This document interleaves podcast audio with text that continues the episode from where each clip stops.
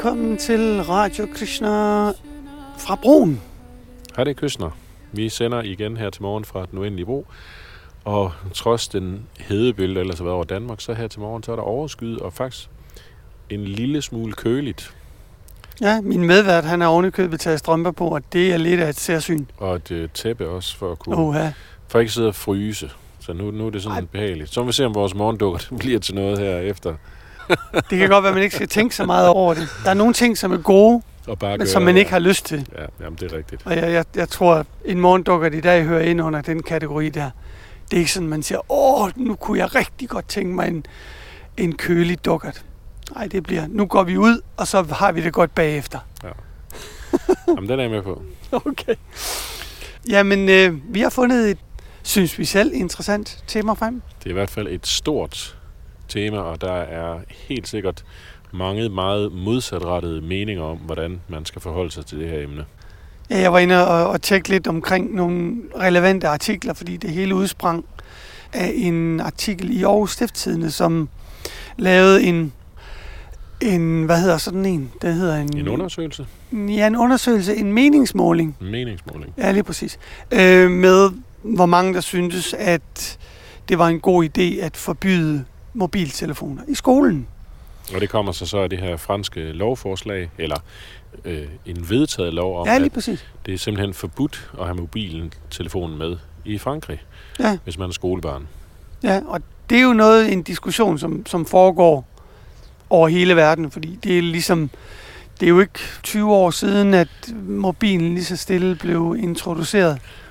Ja, man kan også sige, at det er jo en teknologi, som sådan lidt er blevet kastet i hovedet på os. Det er jo ikke sådan, at der er blevet lavet en masse undersøgelser, og det er blevet sådan virkelig gennemtænkt, hvordan skal det her foregå. Det er sådan lidt, den har udviklet sig undervejs, og så er der bare blevet tilføjet alle mulige ting. Ja, Altså, det er jo ikke en, en, en mobiltelefon. Det hedder en mobiltelefon, men det er jo meget mere end en telefon. Altså, og det er jo små computer, man fiser rundt ja, med det i er kamera, og du kan gå på nettet og søge på alverdens mm. ting. Altså, der er jo rigtig mange muligheder. Ja. Der er rigtig mange ting, der er samlet i en mobiltelefon.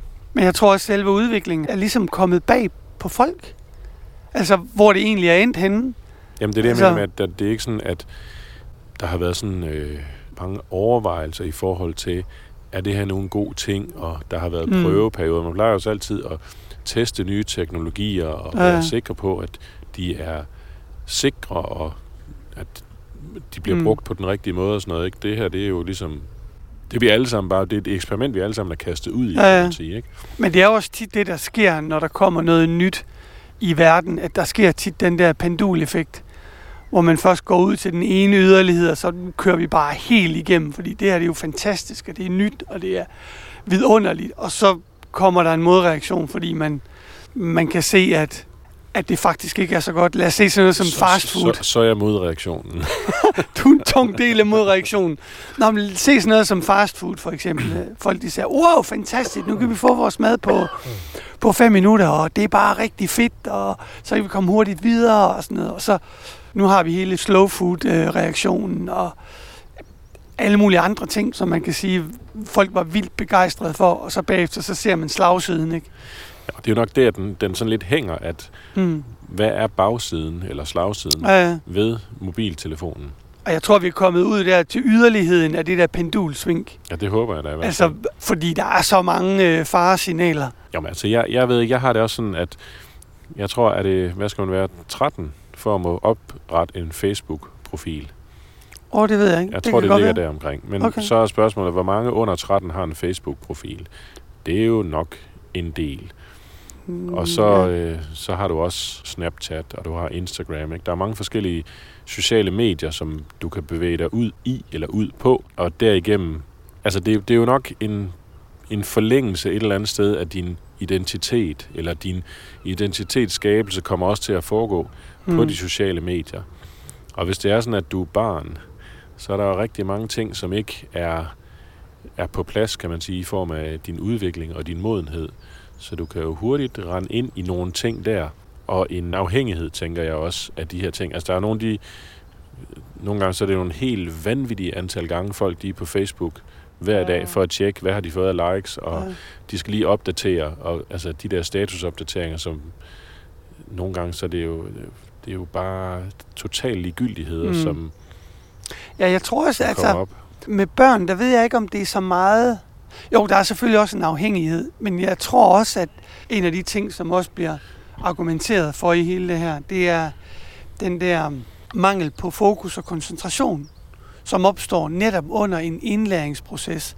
Og hvis der er noget børn, de er i gang med, så er det jo at få viden og, hvad kalder man sådan noget, øh, dannelse som menneske, og få noget, noget viden ind i hovedet, og det kan man ikke. Nå, men altså jeg kan jo så sige, at min egen oplevelse er det også, at hvis min mobiltelefon, den biber, Mm. eller min sms-lyd, hvis den kommer op, eller hvis jeg har den på lydløs, jeg bare sådan kan mærke, den der, den brummer i lommen på mig, Øh, så er min tanke der også, altså at jeg har fået en sms selvfølgelig ikke, hvem er det? Mm. Hvad vil de? Er det vigtigt? øh, Og sådan er det selvfølgelig også for, for de kære børn. Og min koncentration bliver da brudt, ikke? men hvor tit er det så rent faktisk noget vigtigt? Ja, ja, det er meget altså, så- sjældent, så at det er eller noget, død. Ja, så vigtigt, det er noget, at, at jeg virkelig skal afbryde det, jeg foretager mig. Ikke? Ja. Det er Men måske... man kan jo aldrig vide. Nej, og det er jo det, der er problemet. fordi det er derfor, at koncentrationen den bliver snuppet. Ikke? Ja. Fordi jeg tænker, det er, måske er det en ud af tusind gange, at det er noget, som virkelig er vigtigt. Og det er det sikkert ikke engang, vel? Nej. Altså, når det kommer til stykket. Men øh, nu har jeg fundet hende der. Hun hedder Dorte Ågård. Hun er lektor på Institut for Læring og Filosofi på Aalborg Universitet. Hun har så forsket i omkring, hvad gymnasieelevernes øh, skærmbrug, øh, hvordan det forstyrrer deres, deres arbejde. Og hun siger at faktisk, at mobilerne er den pædagogiske udfordring nummer et i de danske skoler. Og hendes argument er netop, at hjernen kan ikke bearbejde eller lære ny viden, hvis man ikke koncentrerer sig. I det øjeblik telefonen lyser eller vibrerer, ødelægges elevernes fokus, og det tager tid at genskabe.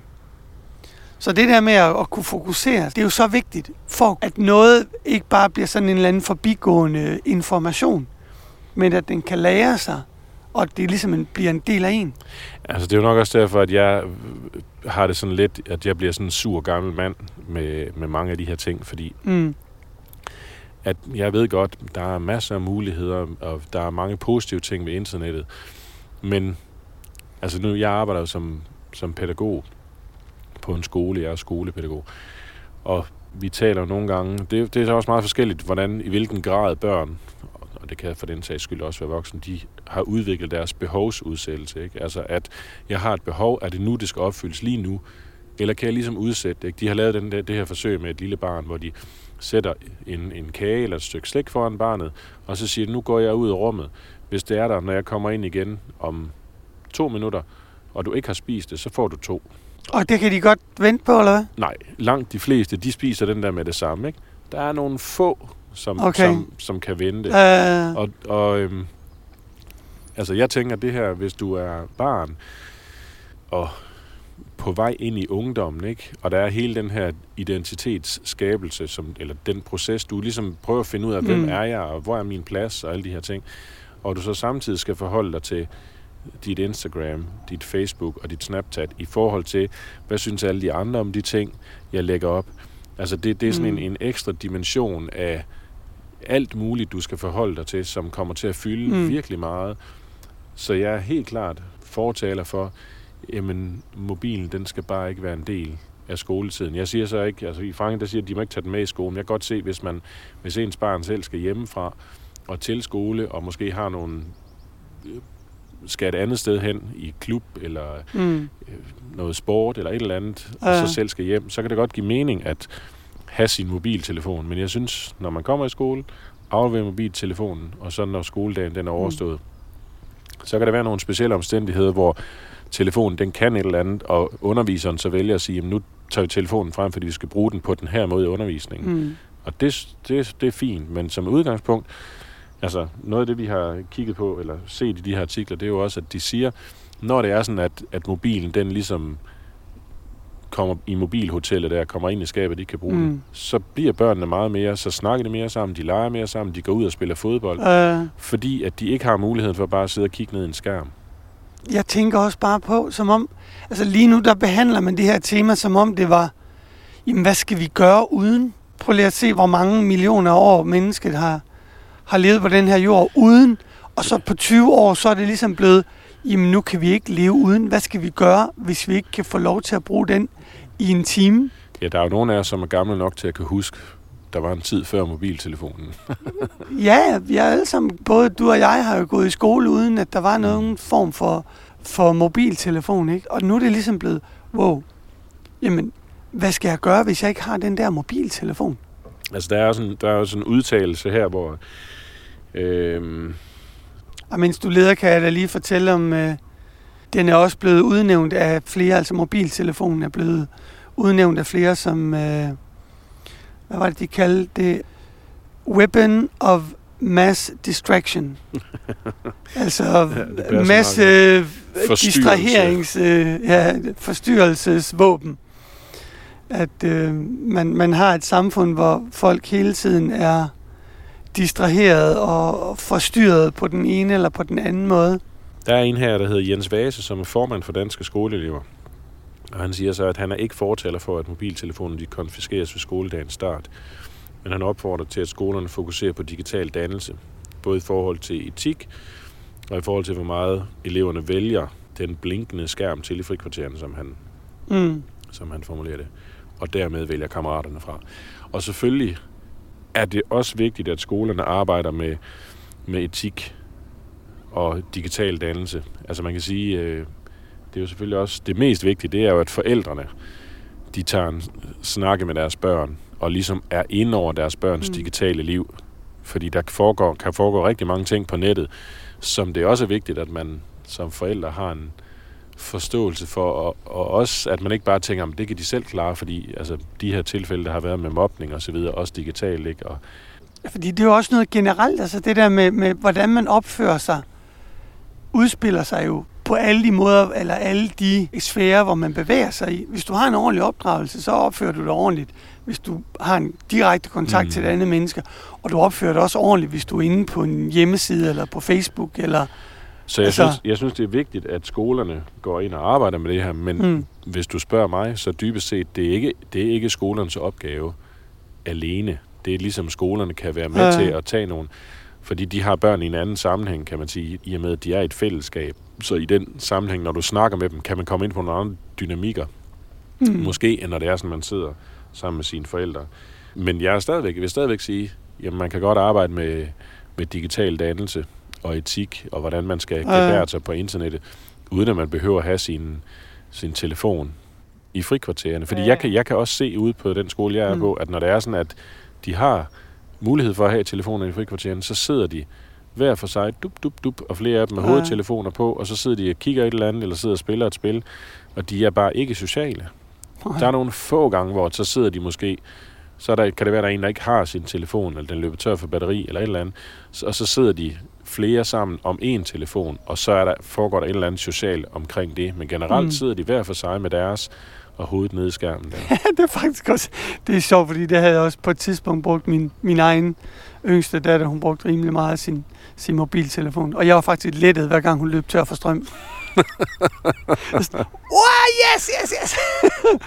Jamen også fordi, altså jeg tænker, vi har en verden, hvor computer har jo gjort sit indtog, og mobiltelefoner og alle de her forskellige digitale platforme, som der er.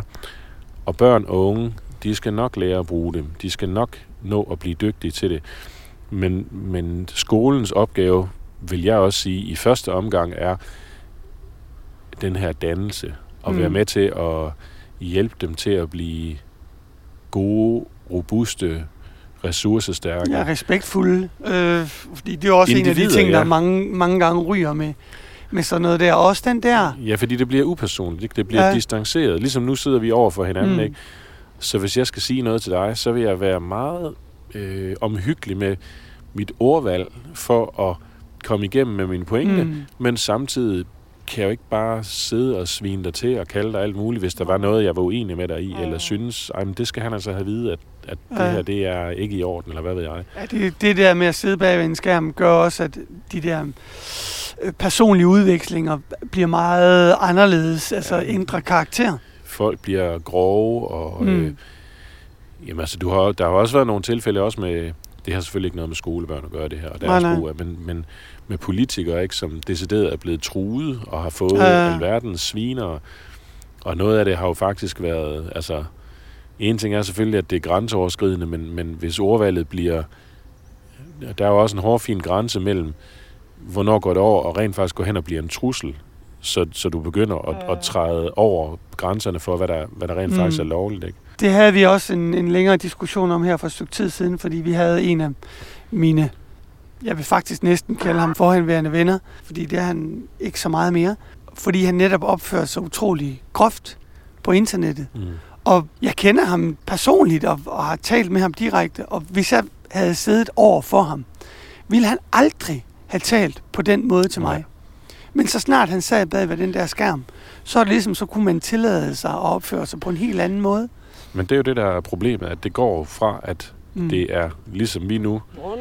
morgen, sidder her og har en, Mm. mm. en samtale og kan se hinanden i øjnene, Mm. mm. og det er, det er meget personligt, til at det bliver upersonligt. Det er en, der sidder et eller andet sted langt væk, og altså, hvis man så har nogle andre meninger, og måske nogle markant Mm. andre meninger, end den, man sidder og chatter med eller diskuterer med, mm, så afstanden gør bare, at så bliver det meget lettere at blive grov og blive... Mm. Øh, jamen, bare ikke opføre sig, som man bør, fordi det bliver upersonligt. Ja, ja. Og, og når tingene bliver distanceret og upersonlige, det, det er bare det er dårligt.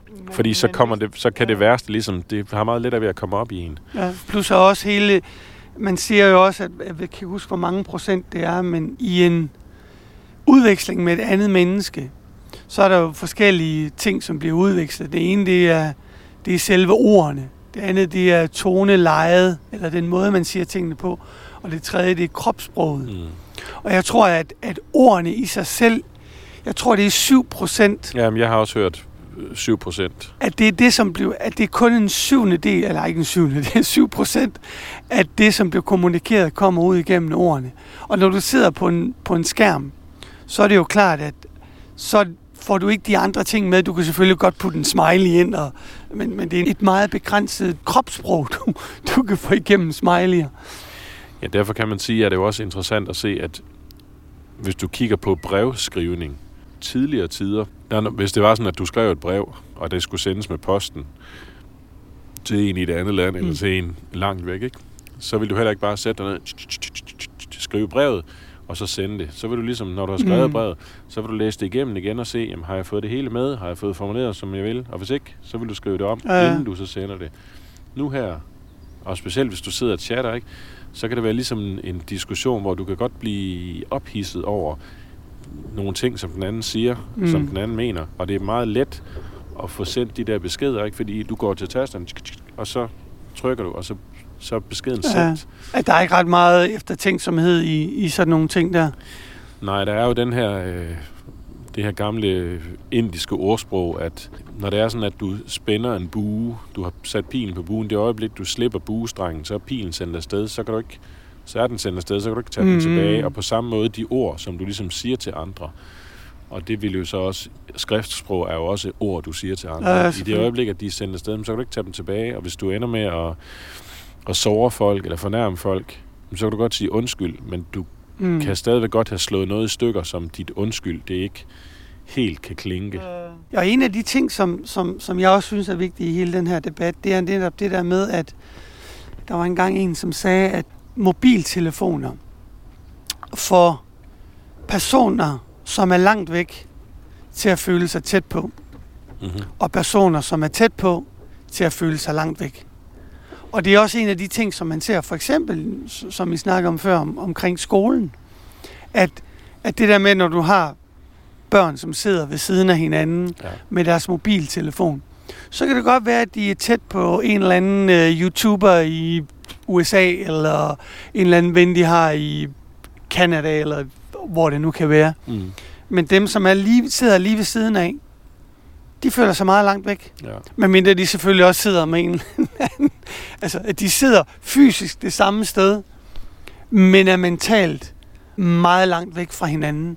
Og det er jo den fremmedgørelse og den distancering, som, som er en, jeg synes i hvert fald er en meget uheldig udvikling. Både for børn, men, men så sandelig også for voksne. Ja, så jeg, jeg tænker igen det her, at det kommer tilbage til ens øh, den dannelse. Fordi som du siger, det er måske 20 år siden eller sådan noget, at, mm. at mobiltelefonerne blev indført. Ikke? Der har vi jo også som voksne fået dem, og ligesom skulle forholde os til dem undervejs. Så det er jo ikke med så mange andre ting. Der kan man have haft et eller andet med hjemmefra. Jamen hjemme ved os, der gjorde vi sådan, at Ja. med opdragelse, eller måden man spiser på, eller måden man hilser på folk på, eller hvad ved jeg, altså alle de her ting, som, Mm. som har at gøre med, hvordan man opfører sig. Men mobiltelefonerne, og, og sådan som de har udviklet sig, det er jo også noget, som voksne har skulle finde ud af, hvordan bruger jeg så dem her? Og, Det er jo faktisk også de voksne, som, som den er kommet fra. ja. Altså, det er jo ikke noget, der er kommet fra børnene og så opad. Det er noget, der er kommet fra de voksne, som har brugt det, og så filtreret lidt efter lidt ned til, til børnene. men, men det gør jo også, at så kan det jo i nogle sammenhænge være sværere, fordi så har du ikke ligesom, du skal finde ud af det med dig selv også efterhånden, som, Mm. mens du får den her teknologi. Og der går du også, du tager nogle skridt i den ene retning og den anden retning, for at finde en eller anden balance, ikke? For at finde Ja. ud af, hvad fungerer for mig, og, og hvad synes jeg er rimeligt, og hvad er godt, og så videre, ikke? Og børn og unge mennesker er også generelt meget, hvad kan man sige, de tager imod, og så er de eksperimenterende og undersøgende, og bruger det, Øh, og, og har jo ikke den samme grad af måske filtre og de her forskellige ting, som man gerne skulle have, når man er voksen med, hvordan opfører man sig, hvad, hvad kan man sige til andre. Altså, de er stadigvæk i en læringsproces, hvad de ting, de angår.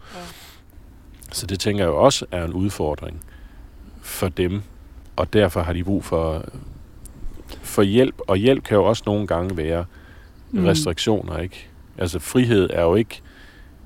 Jeg ved ikke, at vi taler meget om frihed, men, men hvad vil frihed Ja, det sige, betyder ikke? også, at, Altså- at frihed får man, så snart man er i stand til at udvise et ansvar.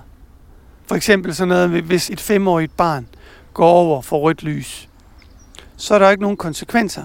Fordi vedkommende er ikke voksen. Vedkommende er ikke øh, så ansvarlig og, og forstående. Så derfor er der ikke nogen konsekvens for, for dens handlinger. Så frihed får man jo først til at gøre noget, når man har vist et ansvar. Lidt ligesom hvis man får et kørekort.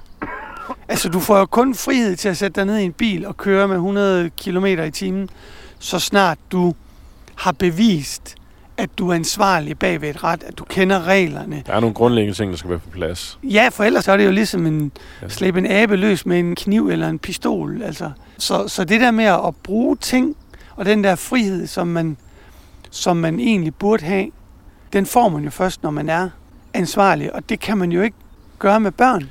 Altså, jeg, jeg hørte også, nu kan jeg ikke, øh, jeg kan ikke referere præcist, så det bliver bare ud fra min, øh, min hukommelse, men de havde lavet nogle undersøgelser også, det var også, jeg tror det var gymnasier og nogle forskellige andre øh, erhvervsskoler og så videre, med, fordi de brugte computer som en del af undervisningen, og der var også en meget, meget stor procentdel, som mens de havde undervisning, så gik de også lige på Facebook, og de sad også og lavede forskellige andre ting. Og jeg kan ikke huske, om det var 25 eller 40 procent af, af, hvad hedder det, af de studerende eller eleverne, som de efterlyste faktisk nogle, nogle rammer, og nogle, de vil gerne have nogle helt klare regler for, at det måtte man ikke, fordi mm. de sagde, jamen, hvis ikke jeg får det at vide, så, så kan jeg ikke lade være. Så, så sidder jeg og gør det. Og de var godt selv klar over, at det forstyrrede deres undervisning, ja. men de havde, de havde egentlig stadigvæk brug for Mm. hjælpen til at blive stoppet i. Men det, Ja. det skal du ikke. ja, som barn og som ung, sker der jo altid de der ting, der prøver man jo hele tiden grænser af. Og det er jo en del af ens udvikling. Det der med at finde ud af, hvor går grænserne til. Ja. Og det er jo klart, at hvis der er ikke nogen, der siger stop, så bliver man jo bare ved. Mm. Indtil man finder den grænse, så finder man ud af, "Nå, okay, jeg skal ikke gå videre end hertil. Indtil hertil er det okay. Mere end det, der er det ikke okay længere. Så hvis du ikke får sat de der grænser, Jeg får den Op. Ja, lige præcis. Det er jo en hjælp. Det andet, det er jo noget, hvad kalder man sådan noget, vold mod, øh, mod børn. Ikke at sætte grænser. Mm. Jeg kan huske, der var en, en dreng i min øh, yngste datters klasse, som havde meget svære problemer med at kontrollere sig selv. Ja, jeg vil have lyst til at gøre, hvad jeg har lyst til, og det ene og det andet. Og så, så gav lærerne ham en uge, hvor han kunne gøre lige præcis, hvad han havde lyst. Gå i seng, hvornår han havde lyst, og gøre lige præcis, hvad han havde lyst. Og så snakkede de med ham efter en uge, og spurgte ham, hvordan det var gået. Mm-hmm. det var faktisk meget øh, øjenåbende, fordi at resultatet var ikke særlig positivt, og han kunne faktisk godt se det selv. Ja. Han var så også lidt ældre, han var måske en 15, 14-15 år. Ja. Men du ved, jeg kan gå i seng, når jeg har lyst. Okay, så gik ind i seng kl. 1-2 om morgenen. Og så fandt jeg jo ud af efter, efter nogle dage, at jamen, så var han totalt smadret den næste dag. Og så, jamen, der er måske en idé i at gå i, i seng lidt tidligere. Så det der med, at man får sat nogle grænser, er faktisk en måde at, at beskytte børn på, fordi de ikke er i stand til at håndtere de ting endnu.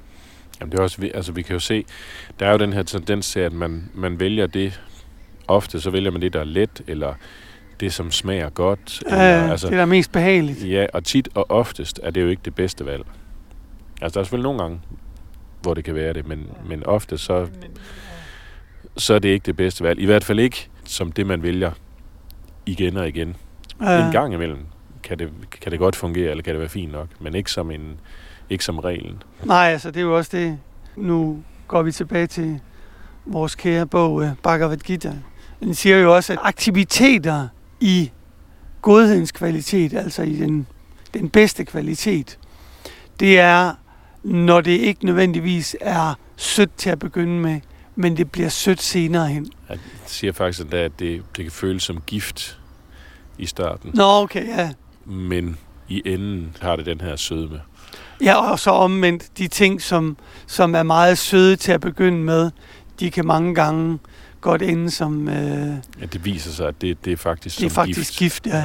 Og det ser man jo også med sådan nogle ting der. Og en af de ting, som forskerne også siger, det er det der med, at mobiltelefonen har den evne til at give en meget små doser af den her nydelse, den her dopamin. Det vil sige, at hver gang man får sådan en, øh, en like eller en, du ved, når der kommer sådan en pop-up beskeder eller et eller andet. Jamen, jeg kan også kun notification, jeg ved ikke lige. Anyway, jeg tror, vores lytter er kloge nok til at vide, hvad det betyder. Ja. At det giver ligesom en sådan et, et lille sprøjt øh, dopamin. Så, Nå, fantastisk. Der fik jeg lige to likes mere, og der fik jeg, åh, der er en, der gerne vil i kontakt med mig. Og, altså, der kommer hele tiden den der nydelse, som så i sidste ende... Jamen, som Øh. jo så er afhængighedsskabende. Ja, ja, lige præcis. Ja, fordi du er nødt til at få den hele tiden. Altså, jeg kan da huske, min, øh, min bror, han tog på sådan et øh, retreat op i sådan et gammelt kloster i Nordjylland en weekend. Ikke fordi der var sådan noget spirituelt over det som sådan, men en af reglerne, det var, at det var mobilfri weekend. Ja. Så de afleverede deres mobil, når de kom ind. Så der overhovedet ikke var nogen form for øh, distrahering der. Men, men som du siger, det er jo et afhængighedsforhold. Altså med børn i, i begyndelsen, der kan det jo godt være måske bare nysgerrighed og det ene og det andet, men, men hvis man gør men, noget... Men man bliver jo også lynhurtigt hugt, ikke? Når man så finder ud af, wow, det kan det, og det kan det, og det kan det, Ja, ja. og det er faktisk sjovt, de her ting, ikke? Ja, nu kan jeg tale om min egen erfaring. Jeg har rejst en del, øh, både til Sydamerika og til, til Indien, og en af de oplevelser, som jeg havde, det var, at til at begynde med, der var jeg rigtig glad, for jeg bruger min mobil til rigtig mange forskellige ting. Og man kan måske godt sige, at der er en lille afhængighedsforhold øh, der også. Men, men jeg nød det virkelig at komme for eksempel til Indien eller til Sydamerika eller andre steder, fordi der var ikke noget internet. Der var ikke nogen forbindelse. Så kunne jeg ligesom sige, ved du hvad, nu kan jeg cut livlinen til, til verden og til alt Du det kan lige så andet. godt slippe den, for det fungerer alligevel ikke. Lige præcis. Men det har ændret sig. Ja. Så nu kommer man til Indien, og jeg kan da se det. Jeg har selv gjort det, fordi jeg skulle arbejde og gøre forskellige ting, mens jeg har været afsted. At en af de første ting, man gør, det er at gå hen til sådan en internetshop og få forbindelsen tilbage til the mothership, eller til, øh, du ved, navlestrengen forbundet igen. Og det synes jeg da selv er bekymrende. Jamen, altså, jeg ved ikke, jeg, som, som jeg sagde lidt tidligere, jeg, der kan godt gå sådan et sur gammel mand i mig over nogle af de der ting, altså fordi mm. jeg, jeg har også nogle gange, du ved, så har jeg ikke fået min telefon med. Det er egentlig, altså, hvis ikke man har prøvet det, så skulle man tage og prøve det, fordi det giver, Mm. det giver lidt mere ro, det giver lidt mere fred. Og, og det der med hele tiden at være forbundet, ikke? Har, man, har man brug for hele tiden lige at kunne tjekke det og, og så videre. Gå en tur, lad mobilen ligge, gå en tur og nyd naturen, og prøv at tage den oplevelse uden at der behøver at tikke beskeder ind, sms'er og sådan- så videre, de kan svares på, når det er sådan, man kommer tilbage. Ja. Altså, det er ikke... Øh, man dør ikke uden sin mobiltelefon. Nu er vi jo også her i Radio Krishna, vi øh, ynder jo at, at meditere. Det gør vi jo... Øh. Ja, det skal i hvert fald også foregå, uden at telefonen Nå, ligger jeg, jeg, siden jeg mener, det er, jo også, det, det er jo nemlig også det der Altså. med at kunne fokusere og kunne koncentrere sig. Ja. For ellers så er meditationen, jeg ved ikke, om man kan kalde den nyttesløs, men effekten er så lille, ja. at man måske ville få noget bedre ud af at gøre noget andet. Og, og det er jo klart, at ens koncentrationsevne er lidt ligesom, øh, jeg kan huske i gamle dage, ja, gamle dage, hold nu op, men, men øh, dengang jeg var barn, dengang jeg var barn, gamle dage. der havde cyklerne så noget sort, en sort belægning på styrene. Jeg ved ikke, hvad det, hvad det var. Det var sådan en slags sort plastik. Og, øh, og det yndede vi at skralde af cykler. Det er derfor, man kalder at man skralder en cykel. Der skar man så ned igennem det der, og så skrællede man det af. Og så tog man et forstørrelsesglas eller en lup, Mm-hmm. og så satte man det op selvfølgelig mod solen, og så koncentrerede solen stråler ned mod det der øh, sorte plastik, hvor der, som der så gik ild i, og det kunne ryge. Altså, jeg kan godt love dig, at det var en mindre ildebrand, det lignede. Nogle gange så kom folk jo løbende og spurgte, om der var et eller andet, der var... De er virkelig osede, Det osede helt vildt. Men der fik man netop den der oplevelse af, at det der med at fokusere noget, altså det der solens stråler, hvis de bliver fokuseret på et enkelt punkt, så kan de virkelig trænge igennem. Så er der en gennemtrængskraft og en styrke, som netop sker når man, på samme måde, når man kan koncentrere sig og kan fokusere. ikke. Og det ser man jo meget typisk i sådan noget som for eksempel meditation, hvor det jo er Jamen, det er jo påkrævet. Ja, ellers så kan du lige så godt lave ellers, noget andet. ellers så er det jo ikke meditation. Altså, fordi meditation er, ja, er netop det her, at du, som du siger, du fokuserer, og du udelukker, eller hvad der nu måtte komme op af... Altså, fordi det er jo sindets natur. Det er, det er jo... Det vælter rundt med idéer og tanker og alt muligt. Men Ja, ja, ja. ja. man ligesom er i stand til at bibeholde sit fokus, og så skubbe det der til side, og jamen, det kan jeg det tager jeg mig af bagefter. Nu er det det her, jeg sidder og laver. Ja. Men det er jo også argumentet, som Arjuna, som, som taler med, med Krishna i, i Bhagavad Gita, han siger jo også, at jeg kan måske kontrollere vinden, men kontrollere mit sind, det kan jeg ikke. Ja. Så det der med at koncentrere sig, det der med at fokusere, er ekstremt svært i forvejen. Fordi Bhagavad Gita blev ikke talt for to år siden, Ej, det er Som- jo 5.000. og jeg tror ikke, de havde Godt mobiltelefoner på det tidspunkt der. Ikke så vidt øh, arkeologiske fund, de, øh, de viser. Og det er jo ligesom sind med turbo. Fordi der skal jo ingenting til at sindet, det ligesom... Nej, det er jo også, hvis du først går på nettet, så kan du gå fra det ene til det andet til det tredje, og så lige pludselig så er der gået en time eller to, Øh, og du har bare... er- det noget, som, mm. som virkelig er vigtigt? Er det noget, som, som du virkelig havde brug for, ikke? Tit og ofte, så bliver du bliver jo fanget af forskellige ting. Så det der med, at, at- at det ødelægger ens koncentrationsevne i alle de ting, vi gør, altså den der tilstedeværelse. Ja, fordi man kan sige, problemet eller risikoen er jo, at hvis man konstant har sin telefon, ja, så oplever du aldrig det her med helt at give slip og virkelig være fokuseret på det, mm. Du laver, fordi den er ligesom hele tiden i, øh, i baghovedet. Øh, Og hvert øjeblik kan den komme, den der sms, som du lige bliver nødt til at svare på. og det der med at være nærværende i de ting, man gør på alle planer, altså både materielle, personlige og spirituelle, at man er til stede, at man er, at man er nærværende. Fordi det der med, at man gør tingene, man ved jo selv, hvordan det er at sidde og tale med en person, som ikke er mentalt til stede. Altså, der findes ikke noget mere frustrerende at sidde og tale til et andet menneske, som sidder ind, lad os sige, med en mobiltelefon, eller sidder og, du ved, man kan godt se, at vedkommende ikke til stede. Ja, det er jo også bare, altså, hvis du spørger mig, så ender det jo netop i, at så bliver det respektløs, ikke? Mm, mm. Og det er jo, altså, det gider man jo ikke. Nej, nej. Og det samme sker jo også med ens meditation, fordi i Krishna-bevægelsen, så er meditation jo også en, et nærvær med Gud. Mm. Altså, at man har en personlig kontakt, et personligt møde med Krishna, med Gud. Og det vil sige, at du er nødt til at være til stede. Og faktisk en, godmorgen, Morgen. og faktisk øh, inden for vores filosofi, der bliver der beskrevet forskellige øh, forseelser eller ting, som gør, at det at meditere ikke fungerer. Og det, eller det bliver sagt, at moderen til alle de problemer og ophavet til alle de problemer, det er mangel på koncentration. Så alle de andre, de stammer ligesom fra det problem. Altså hvis, hvis du ikke er i stand til at koncentrere dig og fokusere og være til stede, så kommer alle de andre problemer. At det er ligesom der problemet, det er essentielle. Det er roden til det det, er hele. roden til alt ondt.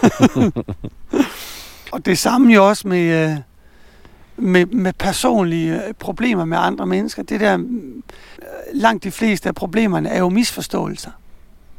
Og de er jo endnu svære at udrede, hvis man sidder bag en skærm langt væk. Ja, lige præcis. Men netop det der, man ikke er hun- 100% til stede og nærværende. Så hvis man som barn ikke lærer at kunne udvikle den kvalitet og kunne være til stede, så bliver livet som voksen jo et, et helvede. Eller jeg ved ikke om et helvede, i hvert fald helvede for alle de andre. Men jo også for en selv, fordi man lider, man lider jo også under det. Uh, Ikke? Altså det her med at, at, at zappe fra det ene til det andet, er jo ikke, er jo ikke specielt tilfredsstillende. Altså, da jeg læste på seminaret, så øh, en af de ting, som var oppe i tiden, sådan meget, det var, at det galt om at komme i flow. Så, mm. så, og det, det i bund og grund handler om, det er jo netop, at du koncentrerer dig, ikke? okay, og jeg tænker ja. også, at de fleste folk, fordi det her med flow, at så træder du ligesom ind i en anden sindstilstand, hvor øh, du lægger ikke mærke til tiden. Altså, det, og alle kender jo det her med, at når Mm. det er, som man har det sjovt, og man laver noget, man godt kan lide, whoop, så lige pludselig, så, er det, så er tiden gået, eller der er gået en time, eller, Ja, og modsat, hvis man, hvis man ikke ved, hvad man skal lave, og man, åh, er klokken ikke snart, og man sidder og kigger på uret, ikke, så fem minutter, det føles som en time. Så det der med at træde ind i en, i den sindstilstand, altså hvor, sådan som jeg tænker på det, det er, at du netop ved, at du koncentrerer dig om det, du foretager, så opnår du den her, øh, flow. ja, men, men altså, Mm. at du, at du ligesom, du falder ind i det, du foretager dig, kan man Mm. sige, ikke? Altså, det, det, det, det optager dig fuldstændig. Ja, Og det tror jeg, at alle, der har, har fundet et eller andet, som giver dem den oplevelse, søger det igen, ikke? Fordi at det er enormt, det, det er faktisk enormt tilfredsstillende ja, at sidde og kunne være optaget af et eller andet. Om det så er, at du, at du sidder og læser en bog, og du virkelig er optaget af det, ja, jeg lever eller, det ind i det. eller om du sidder og laver et eller andet, øh, det kunne også være noget kreativt, du sidder og arbejder med, Mm. ikke? og du er helt optaget af det. Altså det er jo, øh, ja, det er i hvert fald det er meget tilfredsstillende. Men jeg læste faktisk en artikel for et stykke tid siden omkring øh, multitasking. Og argumentet fra personen, det var, at multitasking eksisterer ikke. Mm-hmm. Han sagde, at øh, konceptet multitasking kommer fra computerverdenen. Og inden for computerverdenen, så har man jo det der med, at en computer kan lave flere forskellige ting samtidig. Ja. Men hans argument, det var, at det er faktisk ikke rigtigt. En computer laver ikke tingene samtidig. Men den laver tingene så hurtigt, at, man, at det ser ud, som om den gør dem på samme tid. Mm-hmm. Og det vil sige, at han siger, at det samme er også med multitasking. Du kan ikke lave flere ting på samme tid. Han siger, at bevidstheden, det er lidt ligesom et uh, spotlight. Ja. Du kan flytte det fra det ene til det andet. Men det er én ting ad gangen, du har Men det er ikke på. sådan et, et åbent spredlys, lidt ligesom solen, du ved, som oplyser det hele. Du kan ligesom koncentrere dig om én ting, og så kan du flytte det. Og en af de pointer, han havde også, det var, at problemet med multitasking, det er, at hvis du flytter dit fokus fra det ene, og så flytter det over til det andet, og så går tilbage til det første. Jeg kan ikke huske procentsatsen, men det var et eller andet med, så mister du 60% af dit fokus. Det vil sige, at så skal du bruge rigtig lang tid til at komme tilbage igen. Og det vil sige, at hvis du hele tiden du ved, sapper mellem det ene og det andet, går fra det ene og tilbage igen, så når du aldrig det, som du siger, den der fordybelse, hvor tingene virkelig sker. Mm. Hvor de store kreative evner, de udfolder sig på højeste niveau, og man kommer ind til de der, det kan man kan kalde aha-oplevelser, forståelsesniveauet, ja. altså hvor du ikke bare fylder hovedet med informationer, men hvor du virkelig har den der oplevelse af, at Nå, men nu forstår jeg det. Fordi det er jo også øh, det, som de vediske øh, skrifter forklarer, det der, der er forskel på gerne og vigjerne. Der er forskel på en teoretisk viden og på en erkendt, forstået viden. Mm. Og den får du ikke ved at skøjte hen over overfladen hele tiden. Så det der med at multitaske, det der med at gøre flere ting på én gang, er faktisk en, en løgn. Det, det kan man ikke, medmindre man selvfølgelig er en, er en mor, som står og laver mad og, og passer babyer samtidig. Men det, det er en helt andet, øh, helt andet koncept, vi er inde i der. Det er så mere praktiske ting, man måske godt kan gøre flere ting samtidig. Ja. Men rent bevidsthedsmæssigt kan du kun have dit fokus i På et én enkelt ting ad gangen. Men hvad så? Hvad er Radio Krishnas, øh, hvad er vores øh, konklusion?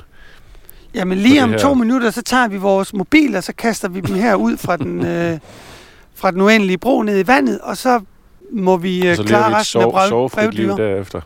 Ja, så mødes vi næste gang, vi får sendt en brevdue.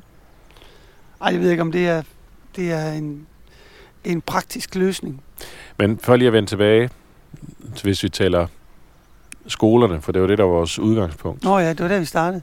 så vil jeg i hvert fald stadigvæk sige, at øh, undervisningen og frikvartererne for den sags skyld også, der bør de ikke være til stede, medmindre at der er et pædagogisk øje med fra underviserens side. Ja, Nu bruger vi, fordi der er selvfølgelig også nogle muligheder der. Eller hvis det er i forbindelse med, at man har noget diskussion om øh, etik og øh, jeg ved ikke, om man, om man vil kalde det for mobildannelse, eller om det er altså internettet, hvordan begår man sig på det, Ja, lige hvordan, præcis. hvordan, øh, hvordan bruger man det på en måde, så man ligesom både passer på sig selv, men også passer på sine kammerater. Mm. Jamen, jeg er helt enig. Altså, jeg, jeg ville også bare sige, ved du hvad? I afleverer jeres mobiler, når I kommer om morgenen, og så kan I få dem tilbage, når I, når I går igen om eftermiddagen. Skolen, det er mobilfrit område. Det, hvis jeg var undervisningsminister eller sådan et eller andet, så ville jeg ikke gå mere end to dage. Så var de røget ud. Nej, for der var flere partier, som sagde, ah, men det skal vi ikke gøre ved nu. Vi kan måske godt tale om det senere, Venstre og Socialdemokraterne. Og Ja, øh, Dansk Folkeparti sagde også, nej, men det, er, det, det, det skal bevares på kommunalt plan og tage den slags beslutninger. Men samtidig kan man jo også se, at der er faktisk flere skoler, som, som er for eksempel i Vejle 12 ud af 38 kommune- og private skoler har valgt at indføre totalt mobilfri skoledage. Selvom det er op til de enkelte kommuneskoler og friskoler og beslutte, hvad de vil gøre, så er der faktisk mange, som allerede har gjort det. Og i Vejle, der er det allerede 12 ud af 38 skoler, som har valgt at indføre total mobilfri skoledage. Altså nu her fra øh, efter sommerferien er slut. Ja, Jamen, så, som sagt, min erfaring er også, at de kære børn, også i frikvarteren, når de har mulighederne, så, så det er det lette valg at sætte sig med sin mobil. Men hvis vi skal hjælpe dem til at være mere sociale, og der har også været en, en med hele skolereformen har der også været en stor fokus på, at der skulle mere bevægelse ind i skoledagen. Det, det er jo sjældent, at mobiltelefonerne, de, de bibringer bevægelse. Ja, Så set i det lys, vil, vil jeg da også sige, jamen, de skal nok få brugt deres Mm. mobiler, mm. og de skal nok lære at bruge de her teknologier også. Men at i skoletiden, der skal Ja. de ikke være der som et forstyrrende element i hvert fald. det er jo så vigtigt, fordi det er jo det tidspunkt i livet, hvor man ligesom får sin... En ting er sin uddannelse, noget andet er sin dannelse. Ja. som menneske. Og det der med at, at, at kunne være til stede, være nærværende, være fokuseret, det er jo noget, som er nødvendigt i alle ens områder i ens liv. Ja, det er noget, som vil komme en til gavn. Eller måske vil hjemsøge en, hvis det er sådan, man ikke lærer det Ja, fordi resten jeg, af livet. ja, altså jeg kan da godt mærke rent spirituelt, altså det der med, at jeg kan godt mærke, at jeg bruger mobiltelefon, når jeg mediterer. Altså jeg kan godt mærke, at min koncentration ikke er blevet bedre. Ja. ved at, ved at Ja. bruge mobiltelefon. At man bliver nemmere distraheret. Det er jeg da lidt øh, bekymret øh, over. Der vil jeg jo også sige, at en ting er skolernes ansvar, men, men Mm. i bund og grund, så ligger den jo i første omgang ved forældrene, ligesom den opdragelsesmæssige del.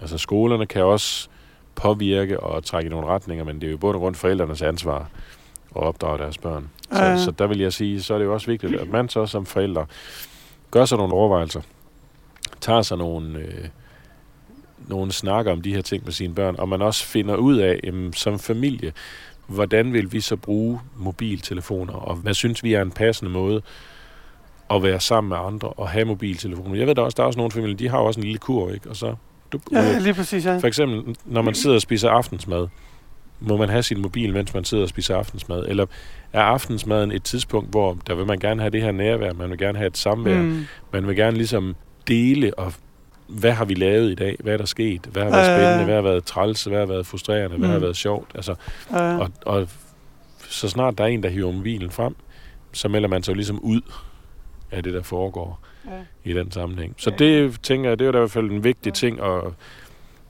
overveje og, og tale sig frem til noget som forældre, og som vi så også talte om tidligere, så ligesom sige, jamen, så sætter man nogle begrænsninger, man sætter ligesom nogle regler op for det, for at hjælpe sine børn, og for at hjælpe sig selv, fordi man kan jo også, som du siger, som voksen, se i nogle sammenhænge, ah, men det her, det påvirker mig på en dårlig måde, det trækker mig i en, Mm. det trækker mig i en retning, som jeg ikke egentlig synes er, er særlig fed, og noget, som jeg kommer til at bruge for meget tid på det, eller jeg bliver, øh, du ved, ængstelig eller bekymret, eller hvad det nu end er. Altså, mm.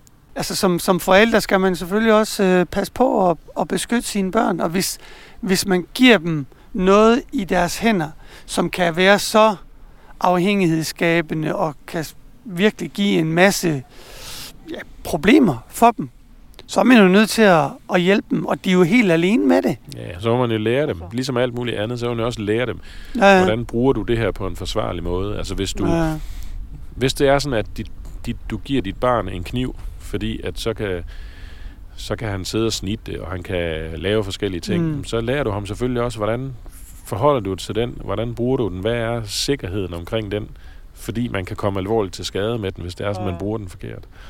Men der kommer sikkert også en masse, altså det ser man jo mere og mere og mere.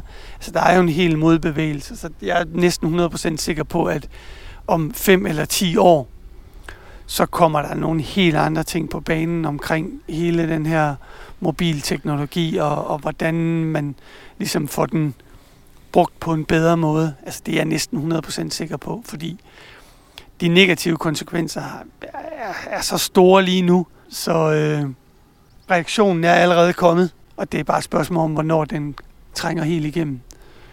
Så vi, så vi håber, at øh, dem, som skal vente de der 5-10 år, at de er stadigvæk øh, når at få styr på, på tingene på nogenlunde fornuftig vis.